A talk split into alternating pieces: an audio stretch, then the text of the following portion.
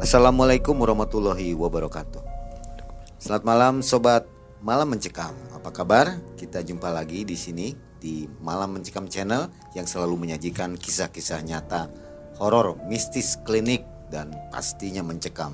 Sobat MM, mudah-mudahan semua dalam keadaan sehat walafiat dan selalu dalam lindungan Allah Subhanahu wa taala. Malam ini kita akan mendengarkan kembali kisah dari seorang anak muda yang telah tiga kali tampil di Malam Mencekam. Yang satu ini Kang Arain sengaja berkunjung ke studio MM akan menceritakan sebuah kisahnya yang tertinggal katanya. Mudah-mudahan bisa bermanfaat untuk kita semua kata Kang Arain. Begitu ya Kang Iya, Arain? Kisah hari ini yang akan dituturkan apa nih? Mancing, Mang I. Mancing. Iya, Tentang mancing. iya mancing. Nah, mancingnya kenapa? Jadi saya itu awalnya galau, Mang I. Nah, untuk menghilangkan rasa galau saya itu mancing jadinya untuk menambah suasana baru lah. Oh, jadi supaya nggak gelisah lagi Iya. dengan teman diajak mancing. Jadi mancingnya saya itu tidak umum, Mang. Karena malam hari waktunya itu. Dari malam sampai pagi. Bukannya Dan- mancing biasanya juga malam hari di laut. Eh, masalahnya di desa saya itu jarang yang mancing dari malam hari itu. Oke, dan ternyata pada waktu mancing malah muncul hal-hal yang di luar nalar gitu. Ya, Oke, baiklah. Nah, sobat MM, kisah yang antik, menarik, mudah-mudahan bermanfaat untuk kita semua dan menambah wawasan. Baik, kita ke Kang Arain dulu. Mudah-mudahan sehat ya, Kang Arain. Berapa jam dari rumah ke sini? sekitar 4 jam. Empat Mang I. jam ya? Iya. Ini sendirian, Saya sama teman, berdua ya. ya berdua.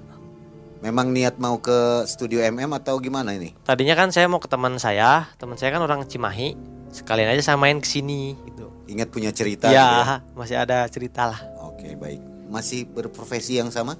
Sama, Mang. Apa itu? Masih servis HP. Servis payung. Wah, Servis HP, maaf. Baik. Terima kasih Kang Arain bersedia kembali berkisah di Malam Mencekam dan saatnya Sobat MM kita mendengarkan kisah dari Kang Arain tahun 2020 kisahnya. Ya. Silakan Kang.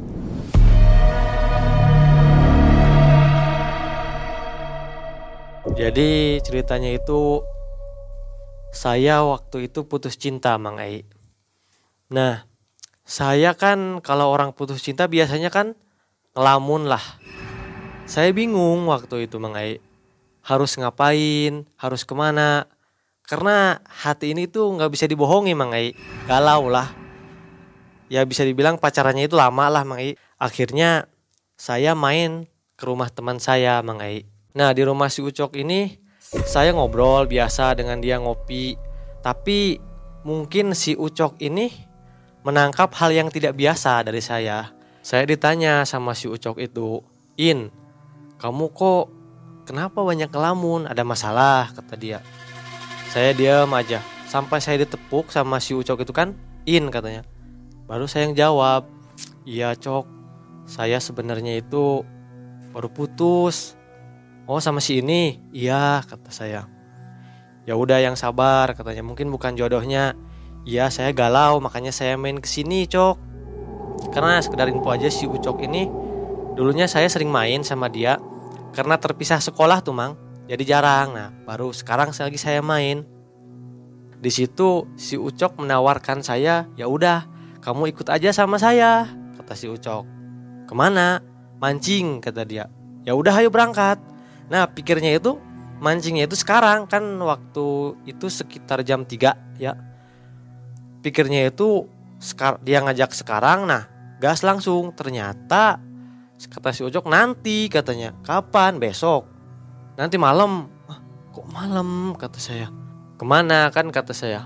Adalah itu di daerah sungai di Maja kata si Ucok ya udahlah ayo.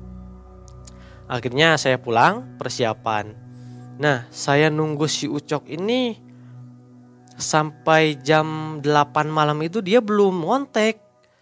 Ini mana si Ucok? Kok dia nggak ngontek? Ah mungkin nggak jadi pikir saya itu.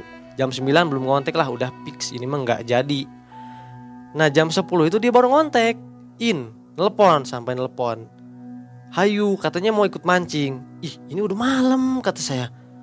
Gak mau ah udah ikut aja nanti juga biar kamu gak galau daripada di rumah kan kamu sendirian ngelamun. Saya pikir iya sih saya lagi ngelamun. Ya udahlah berangkat. Jarak rumah saya sama si Ucok itu sekitar 3 kilo lah lumayan. Berangkat saya ke rumah si Ucok. Nyampe di rumah si Ucok itu udah siap umpan pancingan dan kita itu mancingnya cuman berdua waktu itu Mang Ai Singkat cerita, berangkatlah kami. Berangkatnya itu jalan. Nah, di perjalanan itu sekitar jauhnya satu kilo dari rumah si Ucok ini. Jadi jalurnya itu lewat kayak pesawahan, terus ada hutan sedikit lah. Nah, sebenarnya saya itu mang, waktu di perjalanan sudah merasa takut. Apa saya pulang lagi aja? Soalnya bener-bener di jalannya itu udah suasananya itu mendominasi saya itu mengai. Tapi mikir saya kalau saya mau pulang lagi takut sendiri. Kalau mau pergi ada si Ucok ya udahlah saya ikut aja. Singkat cerita saya sampailah ke tempat yang dituju itu ke sungai di Maja. Nah sampai saya di sana ternyata tempatnya itu saya tahu. Dulu itu saya sering mandi di sana waktu kecil lah waktu umur waktu kelas SD lah. Tapi saya itu belum pernah ke sana malam-malam. Cuman jalurnya itu agak beda, Mang. Jadi kan rumah si Ucok ini uh, ini rumah si Ucok ya, desa si Ucok, ini desa saya. Nah, si sungai itu di tengah-tengah ini. Jadi saya ambil jalan dari desa saya, tahunya itu. Sampai di sana, yang pertama saya dengar itu suara air. Besar itu suara air itu. Yang saya ingat sih waktu dulu mandi, airnya itu nggak sebesar itu.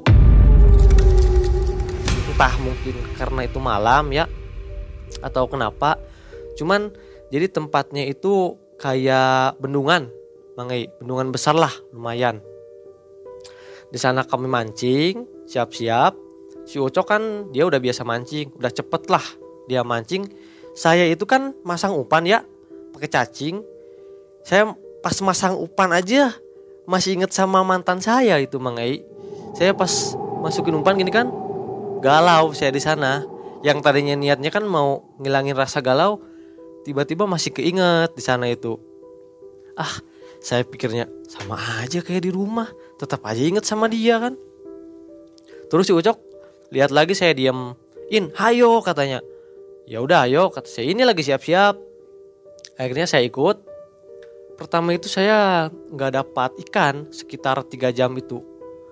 Saya bete lah, masih tetap ngelamun, masih tetap ingat sama pacar saya. Cuman di tengah-tengah suara air itu takut saya itu sebenarnya mengai. Yang membuat saya lupa sama pacar saya itu takut.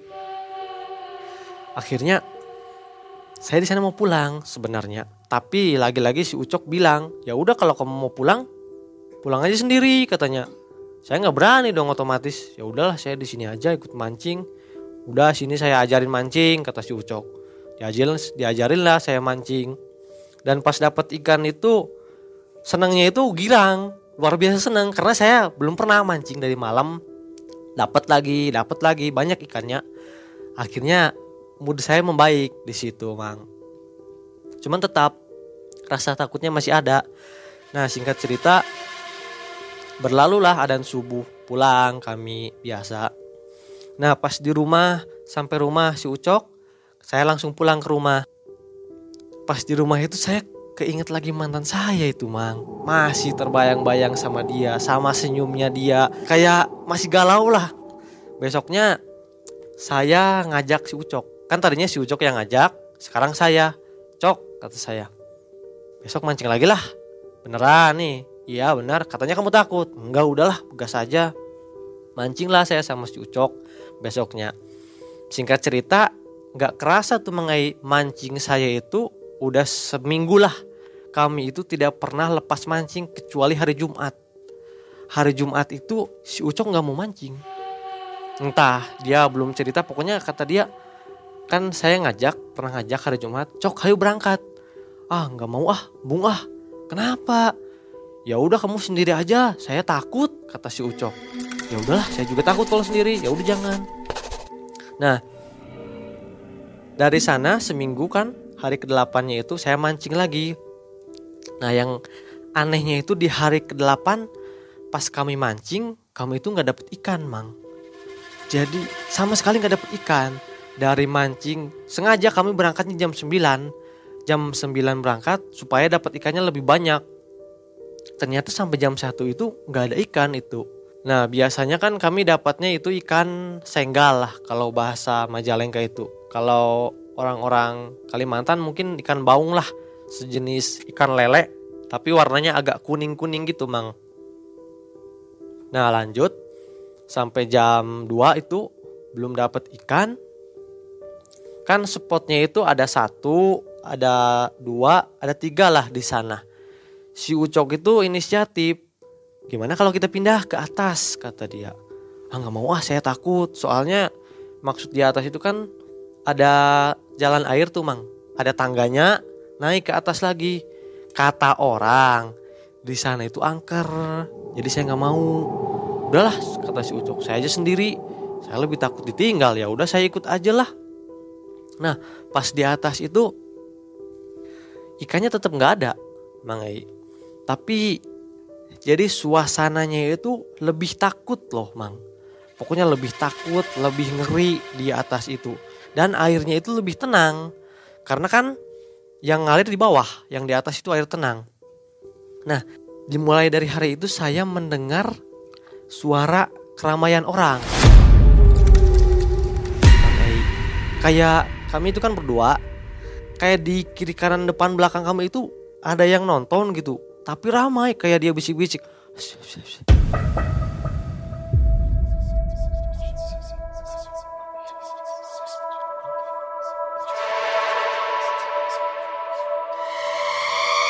Banyak itu mangai cowok, cewek, anak kecil yang saya dengar itu. Saya kan heran, ah, ini mungkin suara angin.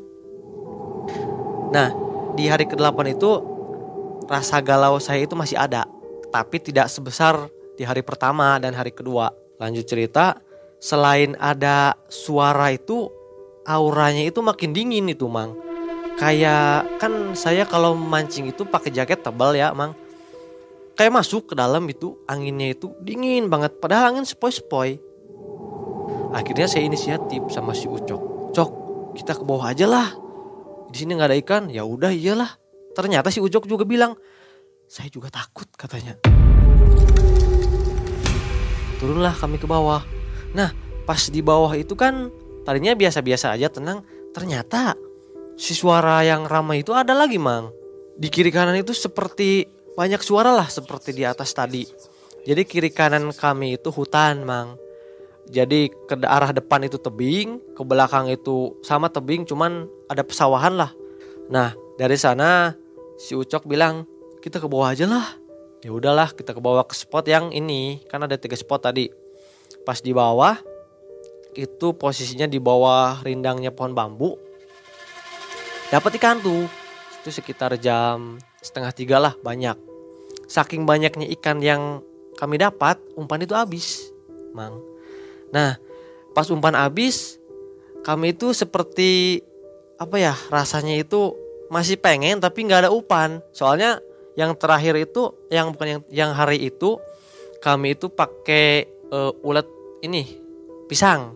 Yang hijau-hijau yang gede-gede. Kan kalau malam-malam dari mana? Nah akhirnya ya udahlah kita pulang aja. Pas mau pulang itu di rindangnya pohon bambu tuh ada kresek. Kresek hitam. Wah kata si ucok kan dia bercanda ini upan nih ada katanya. Pas diambil itu bener mang. Itu upan. Itu ulat pisang masih utuh, masih banyak. Bungkusannya besarnya seginilah. Itu ulat pisang semua. Yang entah punya siapa kalau kami mikirnya pakai logika. Mereka matilah. Kalau itu kayak bener-bener baru apa namanya baru ngambil lah. Di situ saya heran. Cuman rasa heran saya itu kalah sama pengen dapet ikan. Teruslah kami mancing. Nah, kami itu sekitar udah hampir mau pulang lah. Jam 4 lah.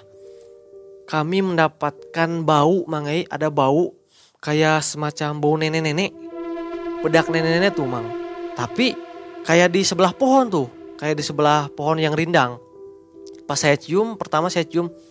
Ini kayak bau bedak nenek kata saya kayak bau bedak nenek saya.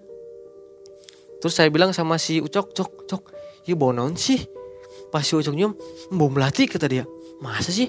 Pas saya cium, ih ini mah bau bedak. Bukannya bau melati, udahlah yuk kita pulang. Dia orangnya agak penakut si Ucok. Pulanglah kami itu, padahal belum waktunya pulang. Pulang bawa ikan, di rumah itu kami sempat heran lah. Mulai herannya itu di sana, puncaknya itu. Yang pertama kan Upan, Upan dari mana? Punya siapa? udahlah yang anehnya itu menurut si Ucok kok saya yang cium bau melati kamu yang cium bau bedak? Akhirnya kami itu tidak meneruskan pembahasan kami karena kami masih pengen mancing di sana Mang Ei. Nah besoknya saya ngajak teman saya mancing di sana. Namanya itu Ari. Ari ini orangnya agak sensitif lah. Dari kecil dia emang jadi agak-agak indigo lah. Nah, saya duluan berangkat sama si Ucok.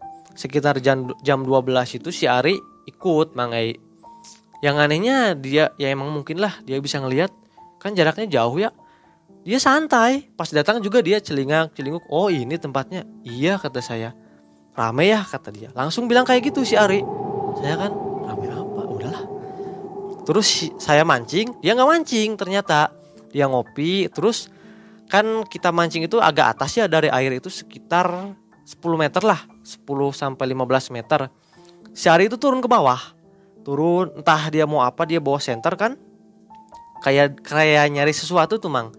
Pas saya mau panggil itu dia udah jauh. Ah udah biarin lah. Dia emang biasanya kayak gitu kan kalau di hutan-hutan yang saya tahu. Nah pas agak jauh mungkin jaraknya sekitar 30-an meter lah. Dia manggil saya si Ari itu. In, in katanya sambil teriak-teriak. Ke sini katanya. Apa sih? Saya kan takut ya mang. Saya bukan takut hantu, saya takut caah. Kan waktu uh, mancing itu musim hujan. Udah sini aja kamu. Ke bawah lah saya sendiri. Si Ucok gak mau saya ajak. Pas saya ke bawah itu dia kayak sini-sini pelan-pelan katanya. Apa sih? udah sini aja pelan-pelan. Saya pelan-pelan urut aja. Tuh kamu lihat kata dia di tengah. Mana nggak kelihatan? Udah kamu kamu merem dulu kata si Ari. Saya merem kan, terus kamu fokus. Saya fokus, baca bismillah tiga kali. Baca saya nurut aja itu, Mang. Saya merem, fokus, baca bismillah tiga kali. Pas saya buka itu apa sih itu gede kata saya. Tapi sosoknya itu pas saya lihat itu jelas, Mang. Apa sih? Coba kamu deketin, tapi jangan terlalu dekat pas saya deketin jarak 5 meter dia deket sama air ya itu kayak ikan Bang Eh ikan jadi ikan yang sering saya pancing ikan baung pas saya deketin itu makhluknya itu tinggi tingginya itu sekitar 200 cm lah. Lebih tinggi dari saya sedikit cuman badannya itu gede. Pas saya lihat juga pengen ketawa kan dia siripnya gini kan? Gini nah berdiri. Dia lagi hadap ke sungai cuman dia berdiri. Kan ikan ikan baung kan ada siripnya kayak ikan lele lah kayak ikan gabus dia itu ngambang. Ngambang tapi air yang di ikan itu netes. Pas saya lihat saya nggak percaya. Ini apa sih halusinasi atau apa? Coba kamu deket lagi katanya. Nggak apa-apa kalau kamu mau sentuh kata si Ari. Tapi saya, saya takut. Saya pengen ketawa itu jujur mang. Kok ada sih makhluk kayak gini? Ikan tapi gede. Dia itu kayak pakai mahkota itu di kepalanya mang. Nah, pas saya tanya sama si Ari, ini apa sih Ri? Ini itu raja ikan yang sering kamu pancing. Wah berarti dia marah dong. Enggak, dia cuman apa ya? Pokoknya menjaga aja lah. Ya udah kata saya. Coba arahin supaya ikan senggalnya itu ngarah ke pancingan kita, Ri. Ya udah nanti saya coba komunikasi. Enggak, soalnya saya pengen ketawa sih, Mang. Karena sosoknya ikan yang baru saya tahu seumur hidup itu Nah pas si Ari deket komunikasi Dia sambil komunikasinya sambil gini kan Si ikan itu balik mang. Itu saya pengen ketawa sumpah mang.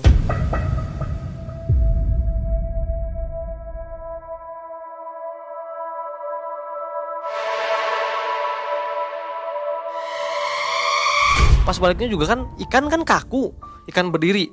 Gini terus dia si Ari bilang itu anak buah kamu rakyat-rakyat ikan kamu suruh makan umpan teman-teman saya. Si ikannya itu gini mang. Gitu. Tapi dia nggak ngomong. Terus saya tanya sama si Ari Ri kok dia nggak ngomong sih?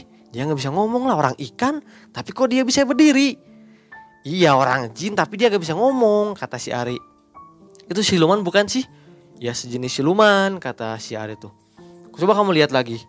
Ih saya pengen ketawa loh. Tapi ya antara 70% pengen ketawa sama 30% takut. Takutnya itu saya takut dimakan mang. Karena itu gede. Kalau saya dimakan masuk.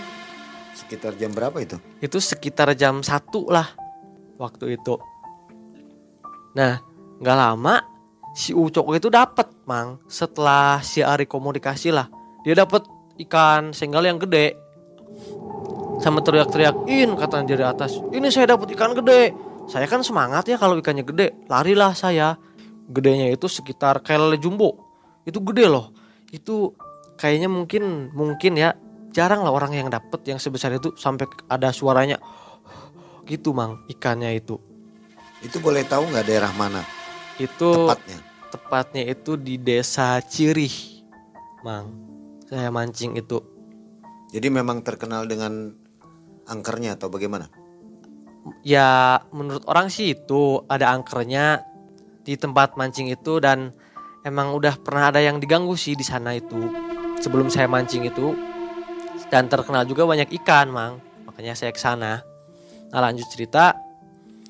Si ucok ini dia girang banget. Nah pas saya lihat ikannya itu ini anjir ini kok gede banget sih? Ini ikan beneran bukan? Terus saya panggil si Ari Ri Ri Ri sinilah.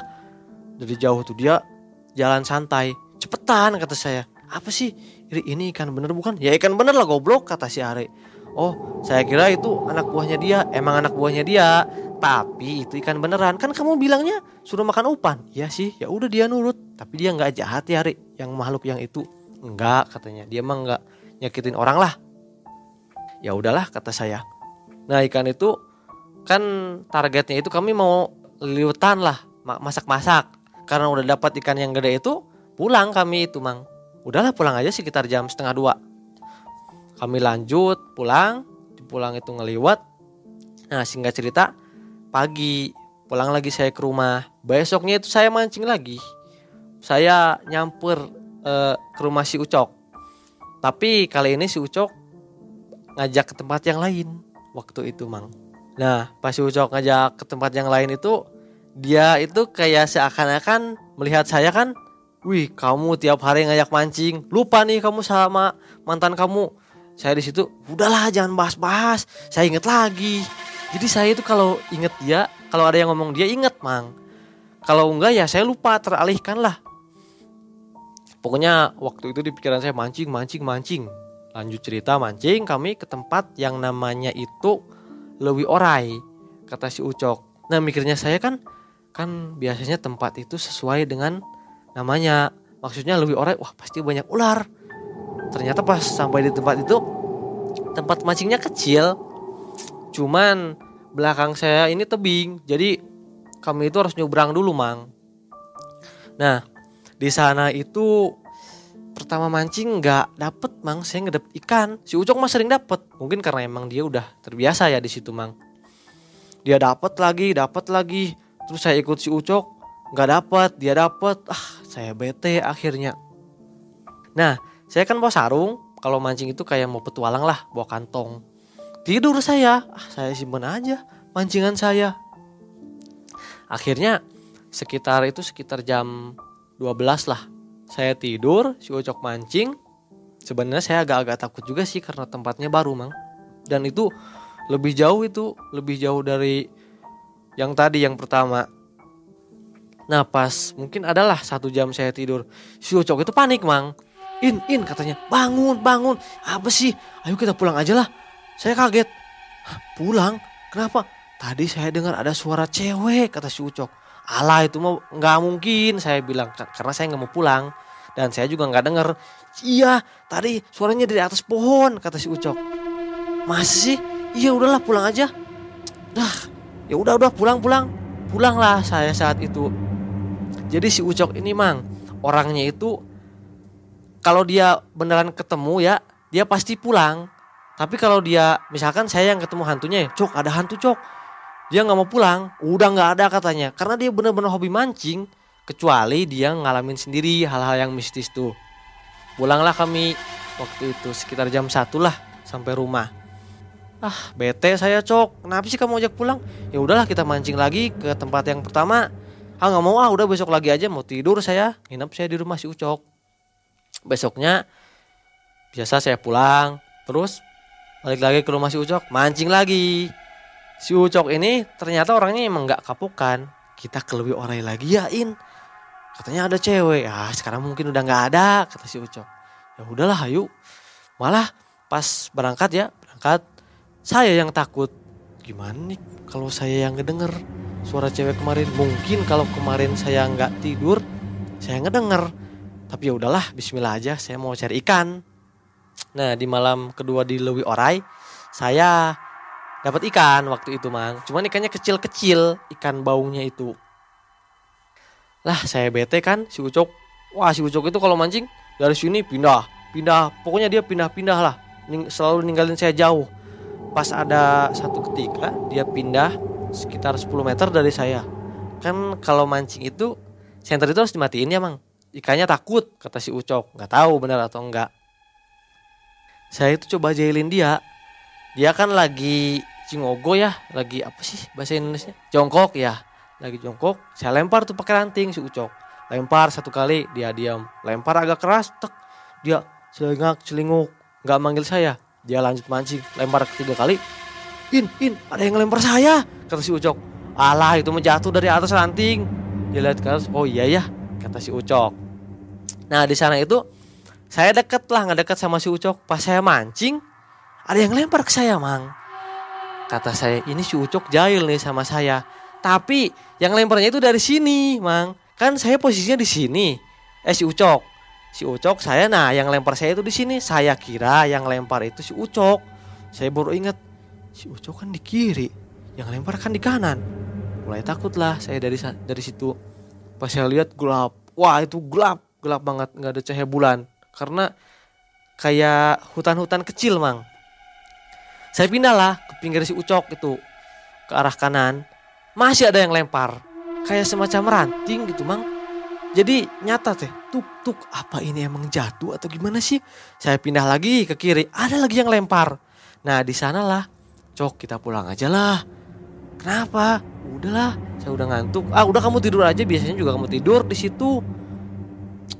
Ya udahlah saya pulang sendiri aja padahal saya itu takut. Ih janganlah. Ya udah ya kita pulang aja. Ya udah pulang. Tapi di perjalanan itu ternyata saya sama si Ucok masih memiliki keinginan mancing. Tapi in di perjalanan pulang nih mang. Saya masih mau mancing. Saya juga eh cuman saya takut. Gimana tuh? Ya udahlah besok lagi aja. Saya nginep lagi. Jadi sering tuh mang saya nginep di rumah si Ucok. Tapi ya seperti biasa tiap di rumah itu pokoknya kalau inget mantan itu ya teralihkan lagi kembali pikiran. Dan yang membuat saya ingat itu dulu dulunya itu saya emang sama mantan saya sering main di rumah si Ucok mang. Besoknya saya mancing lagi. Nah si Ari ini ikut lagi mang. Mancingnya itu ke tempat yang pertama yang di Bendungan. Berangkat kami itu setengah sebelas lah. Sekarang agak telat.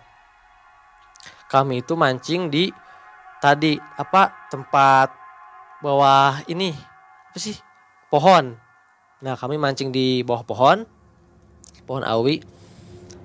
Kami kan bertiga tempatnya itu agak sempit. Nah saya cerita sama si Ari Ri kemarin saya mancing di sini dapat umpan tapi nggak jelas umpannya dari mana. Umpannya pakai kresek. Iya pokoknya dia seakan tahu lah semua yang sudah terjadi gitu. Ya udah nggak apa-apa katanya lanjutin aja mancing. Nah kali ini si Ari itu mancing. Nah kan di rungkun pohon awi kan pohon bambu saya itu lihat sesuatu yang bercahaya mang jadi seperti cahaya-cahaya lampu hijau cuman kayak apa ya hijaunya itu kayak cairan gitu mang tapi dia bercahaya salah satu bambunya itu. Pas saya lihat, ih, apa itu ya? Saya lihat masih ada. Saya mancing, saya lihat lagi ada. Itu 30 menit. Sekitar segitulah. Masih ada. Cok, cok.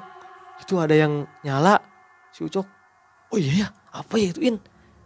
Gak tahu. Coba si Ari, si Ari. Ri, Ri, itu ada yang nyala di pohon.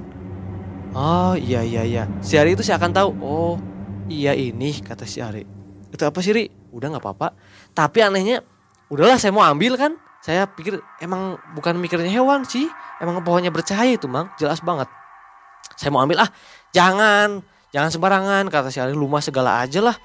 Itu kan saya penasaran Ri. Udah jangan deketin. Saya sorotin lah. Kalau saya sorot nggak apa-apa. Nggak apa-apa. Pas saya sorotin enggak mang. Pohon biasa itu. Nggak ada cahaya, nggak ada hewan. Saya redupin lagi. Dia nyala lagi. Pokoknya terus sampai berkali-kali. Ini apa sih? Sampai mengganggu konsentrasi saya mancing gitu mang. Apa sih ya udahlah nggak saya hiraukan. Nah sekitar jam 2 itu ada yang lewat. Kayak sekelebatan mang. Itu kayak serbet. Kan ini posisinya ini pohon bambu. Ini pohon bambu. Nah kayak lorong gitu mang. Nah set, kayak ada, kayak kayak ada yang lewat secepat kilat. Cuman pas saya lihat itu kayak slow motion mang. Ngerak saya itu. Hah? Apa sih itu? Kayak nenek-nenek sih. Kalau saya lihat itu mang. Saya kan kaget. Si Ari langsung tahu. Udah, nggak usah dipikirin, nggak usah hiraukan aja kata si Ari. Itu apa sih Ri? Udah nanti ceritanya di rumah kata si. Ya udahlah. Kami lanjut mancing. Nah, si kelebatan itu kayak bulak balik bulak balik tapi dengan kecepatan yang cepet lah yang nggak masuk akal waktu itu mang saya dengar aja nurut aja kata si Ari ya udahlah terus yang pohon itu masih sampai subuh ajan subuh itu kan kedengar ya masih bercahaya saya senter lagi untuk terakhir kalinya. Apa sih ini? Masih bercahaya pulanglah saya. Dengan penuh rasa penasaran saya tanya itu udah mau masuk daerah desa ya pedesaan warga Ri. Yang bercahaya itu apa sih? Pusaka katanya. Oh. Terus yang nenek-nenek? Ya itu yang jaganya. Yang nenek itu nggak suka sama kamu. Kenapa sih? Kamu sompral di sana ya dulu waktu itu. Iya sih Ri lumayan. Soalnya banyak bau-bau aneh iya itu bau nenek-nenek. Bau bedak kan iya bau bedak. Ya udah nanti kalau bisa kalau mancing di sana boleh kata si Ari. Cuman ya jangan aneh-aneh lah. Ya siap. Nah pulanglah singkat cerita. Pulang saya ke rumah. Tanpa saya sadari itu mang saya jadi hobi mancing. Hobi mancing malam. Saya kan ada teman saya lah yang suka ngajak mancing siang. Saya nggak mau. Pokoknya saya saya maunya malam lah. Jadi selain asik dapat ikan saya itu di alam kan tenang ya suara hewan suara angin. Lupa saya sama mantan saya kalau di alam meskipun kalau pulang ingat. Nah singkat cerita tiap hari itu kecuali hari Jumat saya ngajak si Ucok. Ngajak lagi saya sampai pada hari Jumat itu mang. Cok saya nggak tahanlah di rumah bete. Kita main game kata si Ucok. Nggak mau ah saya mau mancing. Saya takut in. Iya sih saya juga takut tapi saya juga mau mancing kata saya. Si Ucok juga bilang ya iya saya juga mau. Gimana kalau kita mancing di empang aja? Kan ada empang yang berbayar ya mang. Nggak mau ah ikannya itu ikan kayak gitu maksudnya ikan yang sering saya makan lah. Gimana ya? kata si Ucok. Ya udahlah berangkatlah kita nyari umpan. Nyari umpan itu nggak ada mang. Umpannya itu sekarang pakai apa sih kalau di uh, Majalengka namanya? Pepanting mang yang kayak semacam tawon lah larpanya itu. Kami nyari. Nah pas entah si Ucok ini dapat ide dari mana ya? In saya ada umpan baru kata dia. Apa sih? Udah kita bikin dulu. Saya masih inget mang sampai sekarang. Saya bikin di dapurnya digerus dia itu nyampurin terasi terus e, ikan asin telur sama satunya itu telur puyuh telur ayam telur puyuh. Ih ini kan bau kata saya. Nggak mau ah saya pegang. Ya udah kalau nggak mau saya aja yang pakai. Pokoknya pas bau anjirnya itu mang ih kok dia kok dia gini sih? Nah si larpanya itu dimasukin ke sana. Jadi mau nggak mau saya harus pakai dong. Ah bete saya cok. Ya udahlah ini pasti dapat banyak ikan kalau pakai umpan ini. Karena menurut pikiran si Ucok ini semakin anyir upanya semakin kecium sama ikan gitu kalau pikiran si Ucok ya udahlah ini kamu yang bawalah kata si Ucok. Saya bawa tuh saya itu mancingnya ke lewi orai lagi bang pas saya bawa kan pakai wadah aqua ya gini ditutupin. Saya bawa itu dig dig dig bawah saya lompat lompat di batu kan itu kayak banyak yang ngikutin mang. Banyak yang ngikutin. Wah emang saya mulai terbiasa lah emang mungkin ini tempat mereka kan. Tapi yang anehnya itu ngikutin saya itu lama mang ngikutin ngikutin. Bahkan saya sempat merasakan itu sampai ke tempat Lewi Ora itu kayak yang ikut itu banyak bang. Tapi saya nggak ngelihat waktu itu. Nah jadi pas saya pakai upannya itu mang itu baunya itu luar biasa. Saya kucek-kucek ya karena saya nggak tahan. Itu nggak hilang mang. Bau upahnya itu saya cium ih nggak hilang-hilang sih ini. Kalau tahu gini saya bawa sabun kata saya. Udahlah pakai aja. Saya mancing nah ternyata upahnya itu nggak ampuh mang. Nggak dapet lah kita satu ikan pun. Entah kenapa waktu itu. Pindahlah katanya In. Kita pindah ke atas. Pindah kita ke atas. Nah saya bawa lagi umpannya. Saya jalan lagi antara batu-batu. Masih tetep mang. Banyak yang ikut. Ini kok apa sih? Mereka ter, kayak tertarik sama saya tuh mang. Jadi saya itu emang semakin peka lah di sana kan kenapa sih ini kok rame? Kayak rame banget sih di belakang. Kayak yang ikut terus saya itu sendal saya lepas. Saya simpen nih botol. Saya benerin sendal kan saya kayak kayak saya pakai sendal gunung mang. Nah pas saya simpen botol ramenya itu hilang. Tapi saya belum sadar waktu itu. Saya ambil lagi botol rame lagi. Ini kayak makin rame. Jalan lagi saya. Jalan. Nah sampailah di tempat mancing kedua saya simpen lagi tuh botolnya itu ramenya itu hilang kok gini sih? Kenapa ya? Kenapa kok tiba-tiba hening? Terus tanpa sengaja, saya kan mau ngambil lupan. Saya pegang lagi tuh botol, rame lagi. Saya mulai sadar, apa jangan-jangan karena ini ya karena bu anjir. Saya lepas, hilang, hening. Saya pegang rame lagi, Mang. Ih, ih kok gini sih? Kok makin baunya itu kayak makin menyebar, Mang. Kok gini sih? Saya tutupin lah. Saya pegang lagi, penasaran. Apa rame lagi? hening, rame, hening, rame. Hah? Oh berarti ini. Yang jadi penyebabnya saya itu baru ingat kata si Ari itu kan kata teman saya. Kan saya lihat kemarin video Bang Paujan, Bang Renol kan pantangannya bawa apa bakar terasi kan. Ternyata di sana juga sama, Mang. Kalau bakar terasi itu atau bawa terasi lah mengundang itu mengundang makhluk-makhluk tersebut. Yang saya yang saya alami itu benar. Pokoknya setiap saya bawa upan itu rame kayak ada yang ngikutin. Terus saya bilang sama si Ucok Cok kamu aja lah yang bawa upan ay biasanya juga kamu pokoknya dia nggak kayak saya itu kayak anak buah mang waktu itu. Biasanya juga kamu ah ih udahlah kamu aja. Ya udah saya bawa kebetulan waktu itu ada upan cadangan cacing. Nah pas si Ucok bawa itu dia ngomong apa-apa.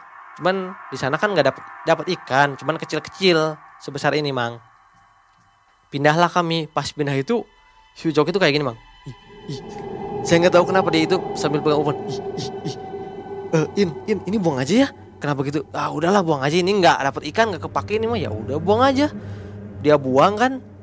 Dia kayak lega tuh mang kayak lega. Kenapa sih ini anak ah udahlah. Nah pas di rumah itu kan pokoknya dari sana itu nggak dapet ikan lah nggak dapet banyak. Pulanglah ke rumah si Ucok. Cok saya ceritain. Tadi saya pas bawa terasi itu upan yang pakai terasi yang pertama baunya itu nggak hilang-hilang. Terus kok kayak rame ya Cok? Ih saya jugain kata si Ucok. Pas saya pegang itu saya kayak ada yang ngaplok di pundak kayak ada yang gini nih. Makanya kan tapi tangannya panjang kata dia ke sini. Makanya ta tadi kan saya gini-gini kamu lihat. Ya saya lihat. Itu saya lepasin. Saya nggak ngeliat kata si Uyuk. Cuman kerasa kayak makhluknya itu kayak anak kecil. Makanya saya suruh kamu buang saya saya buang. Ya udahlah nanti mah jangan aneh-aneh. Iya kata si Uyuk. Saya juga lihat dari YouTube. Ya udahlah. Akhirnya pulang lagi saya mang Nah saya itu mulai bosan mang selama dua minggu mancing. Akhirnya cok kita mancing yuk saya ngajak lagi di minggu ketiga itu. Tapi jangan mancing ikan lah saya bete. Mancing apa tuh kita nyari burung kata si Ucok. Apaan nyari burung dari malam di hutan gak mau ah. Ya udahlah si Ucok itu akhirnya ngajak mancing belut mang. Ya udah ayo kita mancing belut aja. Kan saya suka mancing kalau ngurek lah istilahnya. Tapi dari malam kan? Iya dari malam kata si Ucok. Di mana Cok? Ada di Sukasari, di desa Sukasari. Nah, saya itu ke desa Sukasari berempat. Saya, si Ucok, si Tata, sama satunya itu si Uril. Berangkatlah kami, jaraknya itu dari rumah si Ucok sekitar 3 kilo lah pakai motor. Pas berangkat sampai kami e, lokasinya kan pesawahan ya, pesawahan gede simpen motor jalanlah kami. Jaraknya itu dari motor ke sawah itu sekitar satu kilo lah ke tempat kami mancing. Mancing saya sama keempat teman saya ini. Pisah-pisah itu mang. Saya di sini si Ucok di sini yang dua di sana pisah-pisah pokoknya punya lahan sendiri. Nah pas saya mancing itu kayak apa ya? Kan mancing kalau mancing belut kan gini ya mang. Gini. Di pinggir saya itu kayak selebet selebet apa ya? Saya lanjutin lagi mancing. Itu saya lagi dapat. Saya lagi narik kan gini. Kayak masih ada nih selebat selebat nah, apa sih? Terus baunya itu kayak bau melati yang saya cium itu mang. Saya takut. Saya takut saya ah udah bodo amat. Pek lepas lah tuh belut yang tadinya udah saya tarik. Saya nyatulah ke teman saya itu si Tata. Tata saya deket kamu ya. Kenapa? Ya saya takut sendirilah. Oh ya udahlah saya mancing tuh sama si Tata. Nah teman saya yang satunya ini datang ke saya si Uril ini. In in tadi pas kamu mancing belut kok ada cewek? Kata si Uril. Hah masa sih? Iya. Coba kayak gimana? Ceweknya di mana? Kan kamu mancing di sana dia tunjuk. Ceweknya itu di sana bolak balik Duh, saya langsung kok dia lihat? Itu itu orang real bukan kayaknya eh dia itu ngambang kata si Uril jadi bolak balik bolak balik. Masa sih? Jangan aku takutin kamu. Ih kamu nggak percaya saya lihat? Kamu lihat nggak? Kata si Uril iya sih cuman saya lihat sekelebatan sama bau melati. Nah ternyata mang bau melati itu bukan cuma saya yang nyium. Keempat teman saya yang jaraknya jauh itu ternyata semua nyium. Saya tanya si Ucok.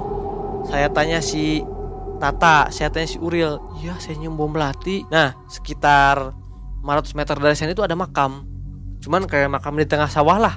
Pas saya semakin deket ke makam itu kan, saya coba deketin lah sama teman-teman saya itu. Saya semakin deket, semakin deket, baunya itu semakin cium. Ih, semakin takut lah, semakin merinding. Karena di makam itu kan, jadi makamnya itu nggak makam makam satu, cuman ada saungnya mang, ada penutupnya lah. Cuman kami tahu itu makam semakin dekat semakin dekat bau. Akhirnya sekitar jarak 10 meter kami nggak berani. Pulang lagi aja ah. Maksudnya pulang mancing lagi aja ke tempat. Kalau ada apa-apa teriak aja kata si Ucok. Ya udah ya saya mancing lagi tuh. Cuman saya coba jaga jarak dari makam itu. Jauh pokoknya saya ke lahan yang jauh ke lahan yang ada lampu-lampunya lah. Akhirnya saya jauh dari teman-teman saya saya dapat belut mang dapat belut itu pas saya narik itu kayak keras banget ya. Wah ini gede kata saya. Pas saya dek dek dek ini udah ke atas.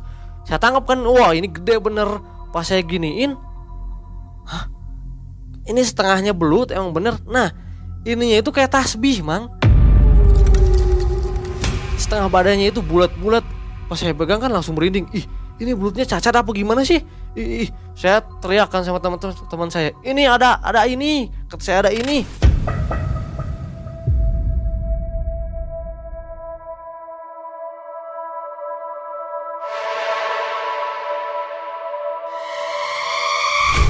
teman-teman saya langsung lari. Ada apa sih? Ini saya dapat ini? Apa itu? Itu belutnya cacat kata teman saya. Masa sih? Coba kamu pegang. Pasti pegang sama teman saya itu kayak nyala mang. Entah itu dari sen pantulan center kami ya kan bawa center kepala masing-masing atau apa cuman belutnya itu kayak dia kan biasanya kalau belut kena meronta-ronta ya dia enggak mang. Kayak gerakannya itu gitu mang. Ini apa sih pokoknya kayak tasbih lah biji-biji tasbih setengah badannya itu. Terus kata si Ucok udah lepasin aja takut. Ya iya emang mau saya lepasin. Saya lepasin tuh. Dia diam aja. Kan belut itu yang saya tahu kan yang paling sensitif itu buntutnya ya mang ekornya. Kalau saya lepasin belut ya misalnya belut kecil saya lepasin saya pegang ekornya dia lari masuk ke lubang. Nah ini enggak mang. Dia diem yang tadinya dia gini-gini pas saya pegang ekornya enggak.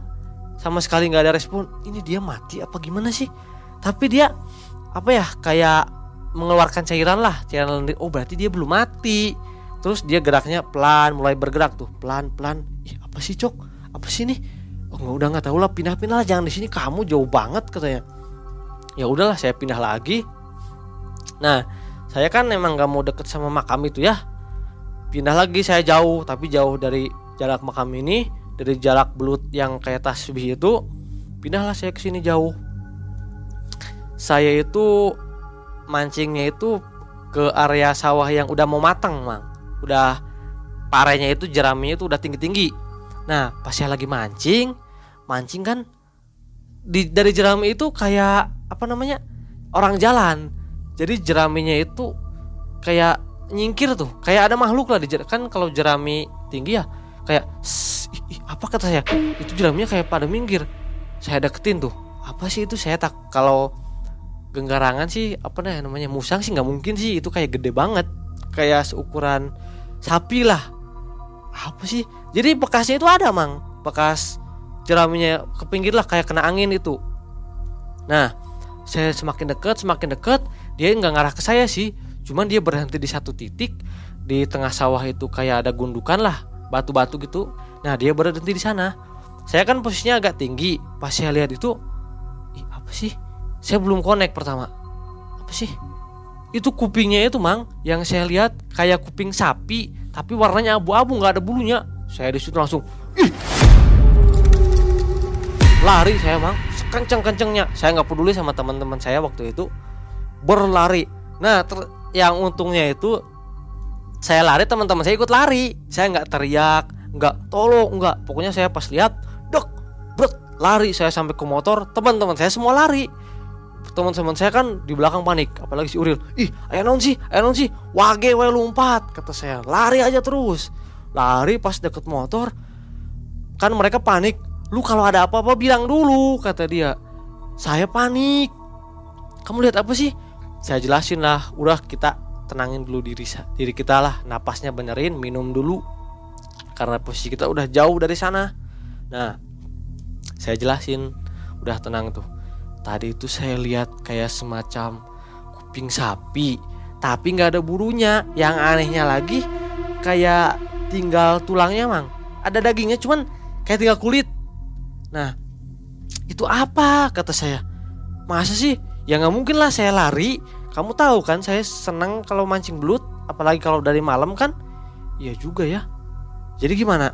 Udahlah jangan ke sana lagi. Akhirnya satu persatu dari keempat teman saya itu mulailah menceritakan hal-hal yang mereka alami mang. Ternyata satu persatu dari mereka itu punya kisah. Ya intinya diganggulah mereka itu. Si Uril, si Tata, semuanya pokoknya. Iya, saya juga diganggu ini, saya juga nyium ini, saya juga dengar suara ini. Nah, akhirnya si Ucok itu mungkin emang kita nggak boleh mancing di sini, kata si Ucok. Ya udahlah kita pulang aja. Saya pulang tuh sama teman-teman saya. Karena yang si Tata sama si Uril ini beda eh, desa lah, mereka pulang ke desa masing-masing. Saya seperti biasa nginep di rumah si Ucok. Nah, pas di rumah si Ucok itu malamnya itu kan dia kalau rumahnya itu nggak ada pintunya ya maksudnya kamarnya itu mang. Kamarnya itu nggak ada pintunya. Nah jadi lagian kan kalau malam kalau semua tidur lah semua lampu itu dimatiin. Nah pas saya mau pipis itu suasana rumahnya itu kayak horor banget mang. Kayak rumah udah lama nggak ditempatin lah pebelatak lah yang saya lihat ini saya ya emang sih si Ucok jarang beres-beres di rumahnya yang saya tahu. Cuman ini keparahan sih kalau kata saya. Saya tengok kiri kanan ih kok kayak berdebu. Kan saya sempat pegang lantai. Debunya banyak banget sih. Udahlah saya mau pipis karena kondisinya saya itu lungu mang. Masih belum sadar lah. Waktu itu mungkin jam satu malam. Nah kan pokoknya semua kecuali pintu depan pakai hordeng mau ke kamar mandi kamar mandi ada pintunya cuman ada ruangan lah ruang makan pakai hordeng pakai hordeng sampai di kamar mandi biasa. Pas saya mau pulang lagi ke kamar itu hordeng ruang tengah itu tiba-tiba kebuka mang. Kebuka tapi nggak ada wujudnya lah. Pokoknya seret gitu mang dengan sendirinya. Serak dia bunyi. Pas dia lihat ke belakang ih apa sih angin atau apa sih? Tapi nggak ada angin. Nah mulailah yang saya bilang nggak ada angin ada angin spoi-spoi kayak si hordengnya itu gorden gerak mang. Ke depan ke belakang ke depan ke belakang. Saya lihat kan pelan-pelan. Saya perhatiin baik-baik karena posisinya juga lampunya mati ya. Apa sih? Nah yang bikin saya kaget itu mang ada cewek mang. Gede badannya itu. Sepintulah tingginya itu. Pintu itu lebih gede lebih tinggi dia daripada pin, uh, lorong itu mang nah hitam pekat yang saya lihat itu mungkin karena kondisinya gelap ya. Dia itu kan kan ini lorong ya segini. Nah dia ini jadi gini. Lihat ke saya di itu mang. Dia ngulang-ulang. Saya teriak dari situ mang. Tolong kata saya. Tolong. Pas saya teriak tolong si ucok ini langsung refleks kan. Ada apa ini ada apa? Itu ayo jurig. Dia tuh goblok. Tadi awewe. Di mana? Itu di sana. Udah udah tidur tidur. Dia seperti seakan-akan sudah tahu lah udah tidur aja tidur di sini. Apa kamu mau pulang? Kamu ah saya takut. Apalagi pulang ya udah gini aja kata si ucok. Lampunya kita nyalain semua. Kita di depan tidurnya di ruang eh, tengah lah ada ruang tamu. Di depan itu kita nggak tidur karena si ucok lihat saya ketakutan mang udahlah kita main game aja ngopi kata si ucok. Ya udahlah. Di sana saya ngopi terus si ucok ini cerita kalau sebenarnya in saya kan nanya ya cok ini tuh ya yang saya lihat cewek itu apa itu yang ikut ya dari tadi kita mancing belut? Bukan kata si ucok. Dulu mama saya juga pernah lihat katanya. E, emang kenapa sih cok rumah kamu ini? Jadi rumah saya itu emang kalau istilahnya emang bumi karuhun lah rumah rumah tua deh. E, emang nggak aneh lagi kalau saya itu saya takut kata si ucok. Cuman saya tahu lah bahkan dia menjelaskan makhluk-makhluk apa saja yang ada di rumahnya gitu. Yang baru saya lihat sih itu mang. Akhirnya udah kamu jangan aneh dia nggak ganggu kata si ucok.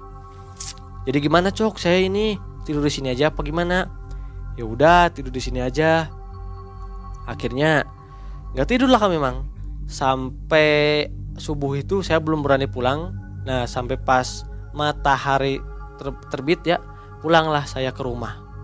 Nah jadi mancing itu dengan mancing itu ya mang saya itu merasakan sensasi baru yang membuat saya benar-benar lupa sama pacar mantan pacar saya itu mang. Di antara saat mancing itu takut bahagia dapat ikan apa serasa ditekan kan suasana hutan.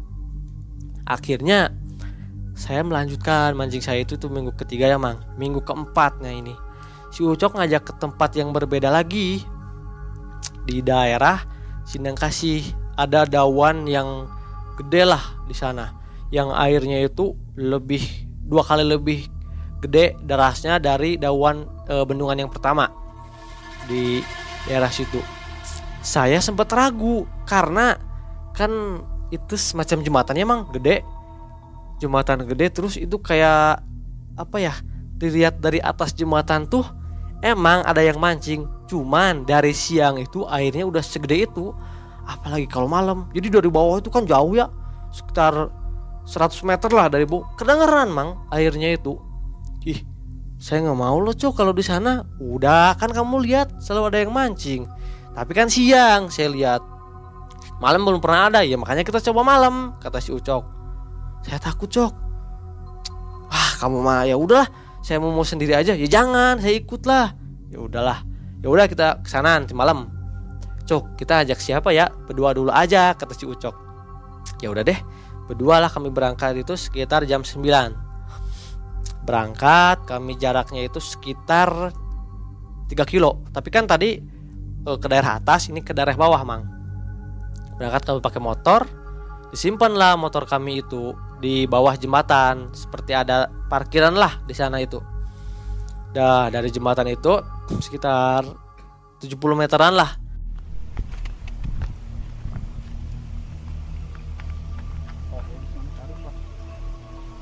Kami mancing. Pas saya mancing itu mang sebelum belum mancing auranya itu udah beda. Udah lain. Selain kerasnya suara air itu yang bikin saya ngomong sama si Ucok ini kan cok kata saya. Cok in in jadi uh, harus keras lah mang. Harus keras di sana. Nah saya itu takut mang. Itu takutnya luar biasa. Ih gimana ini kata saya kalau caah lah pokoknya negatif thinking. Kalau caah kalau ada hantu kaburnya kan lama. Kalau ada hantu harus naik ke atas dulu. Caah itu bukan kayak cair air besar mang. Hujan kan kalau hujan kan airnya besar tuh. Jadi eh, penuh air sungainya itu mang. Takutnya itu gelombang gelombang lah. Ya banjir banjir di sungai itu kan. Saya takut karena emang lagi musim hujan.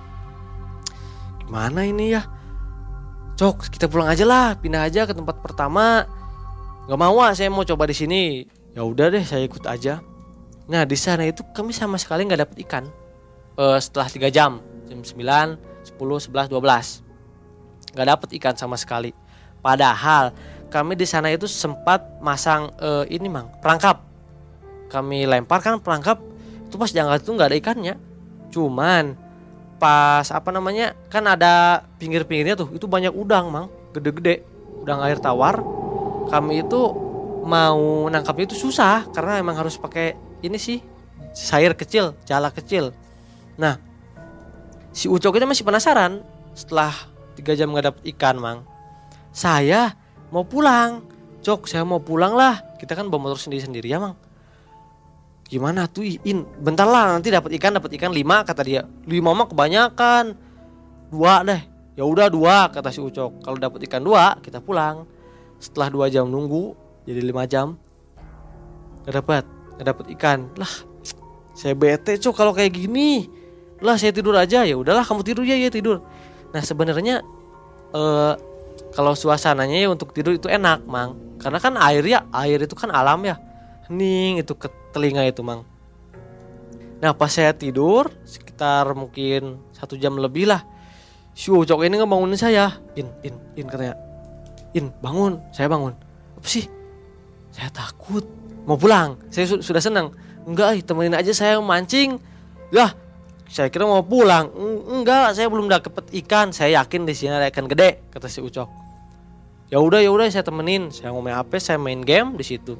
Si Ucok masih mancing. Nah, pas mancing itu mang, berarti itu sekitar jam 3 lah, jam udah mau pulang kita, udah mau subuh. Ada yang lempar plastik dari atas itu, uh, sampah, plung kan ke bawah. Jadi pas ke bawah itu kan tinggi ya, bu, kan kita kaget. Uh, uh, naon eta cok, nyaho, teu nyaho, itu cenah luhur kata si Ucok dari atas in. Ya mungkin yang buang sampah. Tapi si Ucok bilang ih in masih sih? Jam segini jam 3 ada yang buang sampah. Ya emang orang udah tidur. Tapi masa buang sampah ke sini sih in? Saya mikir iya juga sih. Ya udahlah ya udah deh emang mungkin yang buang sampah. Terus udah dari situ ada lagi ini. Si Ucok ini lihat api saya juga lihat mang api itu di tebing mang. Di tebing kan emang tebing ya. Di tengah-tengah rumput nyala api. Pas nyala api kan bui kan kelihatan. Astagfirullahaladzim kata saya. In apa itu In api iya tahu tapi kok ada di sana? Saya ini kata saya bilang itu yang bakar sampah. Si Ucok oh iya. Tapi dia mungkin mikir lagi mang. In In katanya. Itu kan posisinya di tengah In masa sih ada yang bakar sampah di tengah tebing itu nggak mungkin kata si Ucok. Saya itu sempat emosi. Goblok kata saya tapi dalam hati mang dia ini katanya takut tapi dia terus penasaran tuh mang. Gimana sih saya itu omongan saya semuanya itu supaya dia ini tenang tuh mang. Jadi melogikan sesuatu yang tidak logika lah mang. Saya alihkan ke hal-hal logika. Nah yang terakhir itu pas kami mau pulang itu setengah empat si Ucok kan nyenter nyenter in in in. Ada ada ada ada itu in. Apa? Itu ada itu. Saya lihat kan. Ih apa itu ya Cok ketahuin saya enter lagi. Matanya itu merah nyala. Ya itu lihat ke kita mang. Ada siungnya gitu cuman siungnya itu taring agak. Itu mang. Masih melengkung iya. Ih cok itu makhluk apa ya? Nggak tahu tapi kami itu takut. Cuman jaraknya jauh. Karena center kami itu jauh lah nyorotnya itu apa itu ya cok? Nggak tahu lah. Terus pas di center lagi masih ada. Lama itu bang. Mungkin lima menit lah. Kami mancing. Dia mancing saya nggak mancing.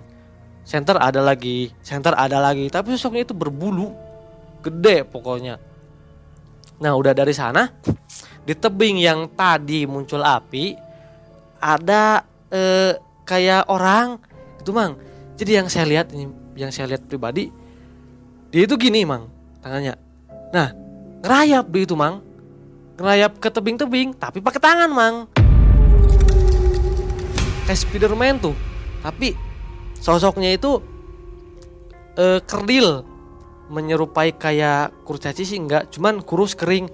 Nah dia merayap tapi di tengah-tengah merayap itu yang saya lihat kan dia lihat ke kami mang. Lihat ke saya lah intinya. Kan dia ngerayap gini ya. Tet, pas saya lihat Allah Akbar itu saya mau pingsan mang itu makhluk apa? Dari mana keluarnya? Kok dia ngerayap kayak gitu? Sampai sekarang masih merinding kalau saya ceritain. Gini kan lari saya mang. Bodoh amat lah si Ucok mau kayak gimana juga. Lari bert saya lari. Kan kalau lari itu kan nanjak ya tangga. Saya nggak mikir jatuh atau apa pokoknya lari lah. Nah si makhluk itu kan dia tadinya ngarah ke sini, tangannya ke sini, pas saya ke sini naik, dia jadi ke sana, tapi dia dengan tajamnya itu mang lihat saya. Saya kan makin merinding, iku malam dirawel. Gimana kalau dia loncat? Dia benar-benar real, pakai tangan itu mang, ngerayap gini tuh, ter kayak gitu. Kayak tangannya itu napel lah, nempel sama tebing. Si Ucok itu lari juga. Goblok, daguan kata si Ucok. Akhirnya kami nggak mikir motor dulu kan motor di bawah ya Nah si makhluk itu ngarah ke motor kami. Kita ke atas dulu. Eh, sia nempo naon? Mana mana nempo naon kata si Ucok.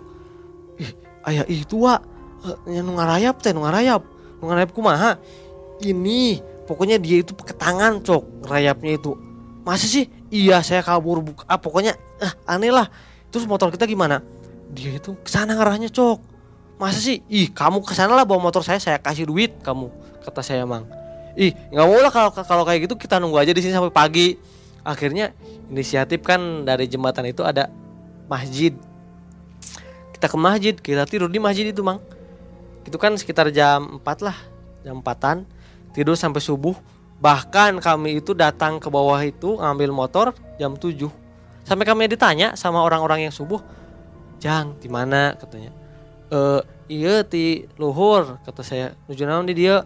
Tadi teh ngusep cuman tunduh pak kata saya. Ngantuk kata saya. Tadi ya saya habis mancing.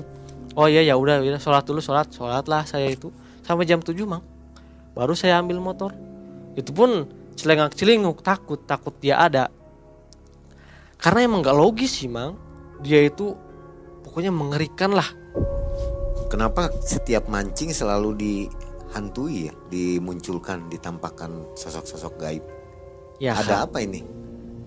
Ya mungkin. Yang pertama karena si Ucok ini mang. Si Ucok ini orangnya ini manis lah. Kalau istilahnya apa? Dia itu sering ketempelan mungkin dia makhluk-makhluk itu tertarik sama si Ucok dan yang kedua juga karena kami kan mancingnya dari malam dan tempatnya itu emang terkenal angker sih yang kami pancing gitu di daerah tempat tinggal Arain ini wilayahnya masih termasuk angker gitu ya iya kalau daerah sungai untuk daerah sungai iya untuk daerah sungai itu Terus ikannya itu dikemanain setiap hari mancing? Dimasak nah, apa dijual? Pertama kami kami masak ya karena enak kan. Kalau jual sih enggak sih sayang saya itu mang. Misalkan kami dapat ikan satu kilo, ada yang beli lima puluh ribu, enggak saya jual. Jadi saya makan aja. Kalau kami udah mulai sekiranya bosan, kami kasihlah sama uh, saudara. Nggak pernah kami jual. Ada foto-fotonya nih? Kalau foto tempatnya ada sebagian, tapi nggak semua boleh nanti ditayangkan ya? Ya boleh. Apa hubungannya dengan putus cinta dengan mancing? dari kisah ini? Oh, jadi yang saya dapat itu dari mancing ini mengubah mood saya. Yang tadinya saya galau, saya merana lah istilahnya putus cinta itu selama satu bulan full saya mancing itu kecuali hari Jumat, hari Jumat cuma sekali. Saya itu merasakan sensasi baru di dalam hidup kan.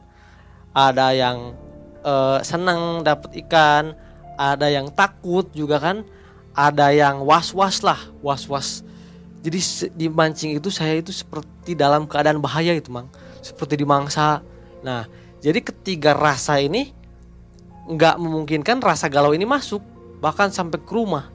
Jadi di pikiran saya itu mulai dari dua minggu setelah mancing, mancing, mancing, mancing, Mang. Jadi lupalah sama mantan pacar saya ini. Setelah itu lupa sama sekali Lupa sampai sekarang, alhamdulillah. sampai sekarang. Ya, Nah, ini mungkin untuk sobat MM semua yang yang punya kejadian yang sama dengan Kang Arain ini putus cinta boleh dicobain nih dengan mancing ya. Tapi Iya. jangan mancing bertemu dengan goib mungkin ya. iya, karena Jadi serem. iya, karena kan niat saya juga emang nggak bertemu sama yang seperti itu ya, Mang. Tapi jadi pengalaman baru ya. Iya, jadi pengalaman baru. nggak dapat apa-apa dari mancing itu maksudnya ada jadi bisa melihat apa Enggak sih. Enggak ya Enggak, lihat makhluk goib misalnya enggak, enggak, sih. Biasa-biasa aja tapi menambah keberanian kayaknya Ya, menambah keberanian. Jadi saya makin berani lah. oke nah sobat MM kisah yang menginspirasi dan menambah wawasan kita dari hal memancing apa ini satu lagi apa lupa berdoa setiap mancing Kalau setiap mancing kan saya itu apa namanya? Kan kalau ada sosok ya, misalkan kalau bau saya langsung baca ayat kursi. Kalau lupa berdoa sih enggak sih, Enggak ya, Wak. Emang itu tempatnya lah. Mereka itu enggak sampai mencelakai gitu. Cuman emang kitanya aja yang harus kuat. Baik, Kang Arain terima kasih kisahnya dan terima kasih sudah hadir kembali di Malam Mencekam ya. Mang. Mang Ei dan tim ucapkan Assalamualaikum warahmatullahi wabarakatuh.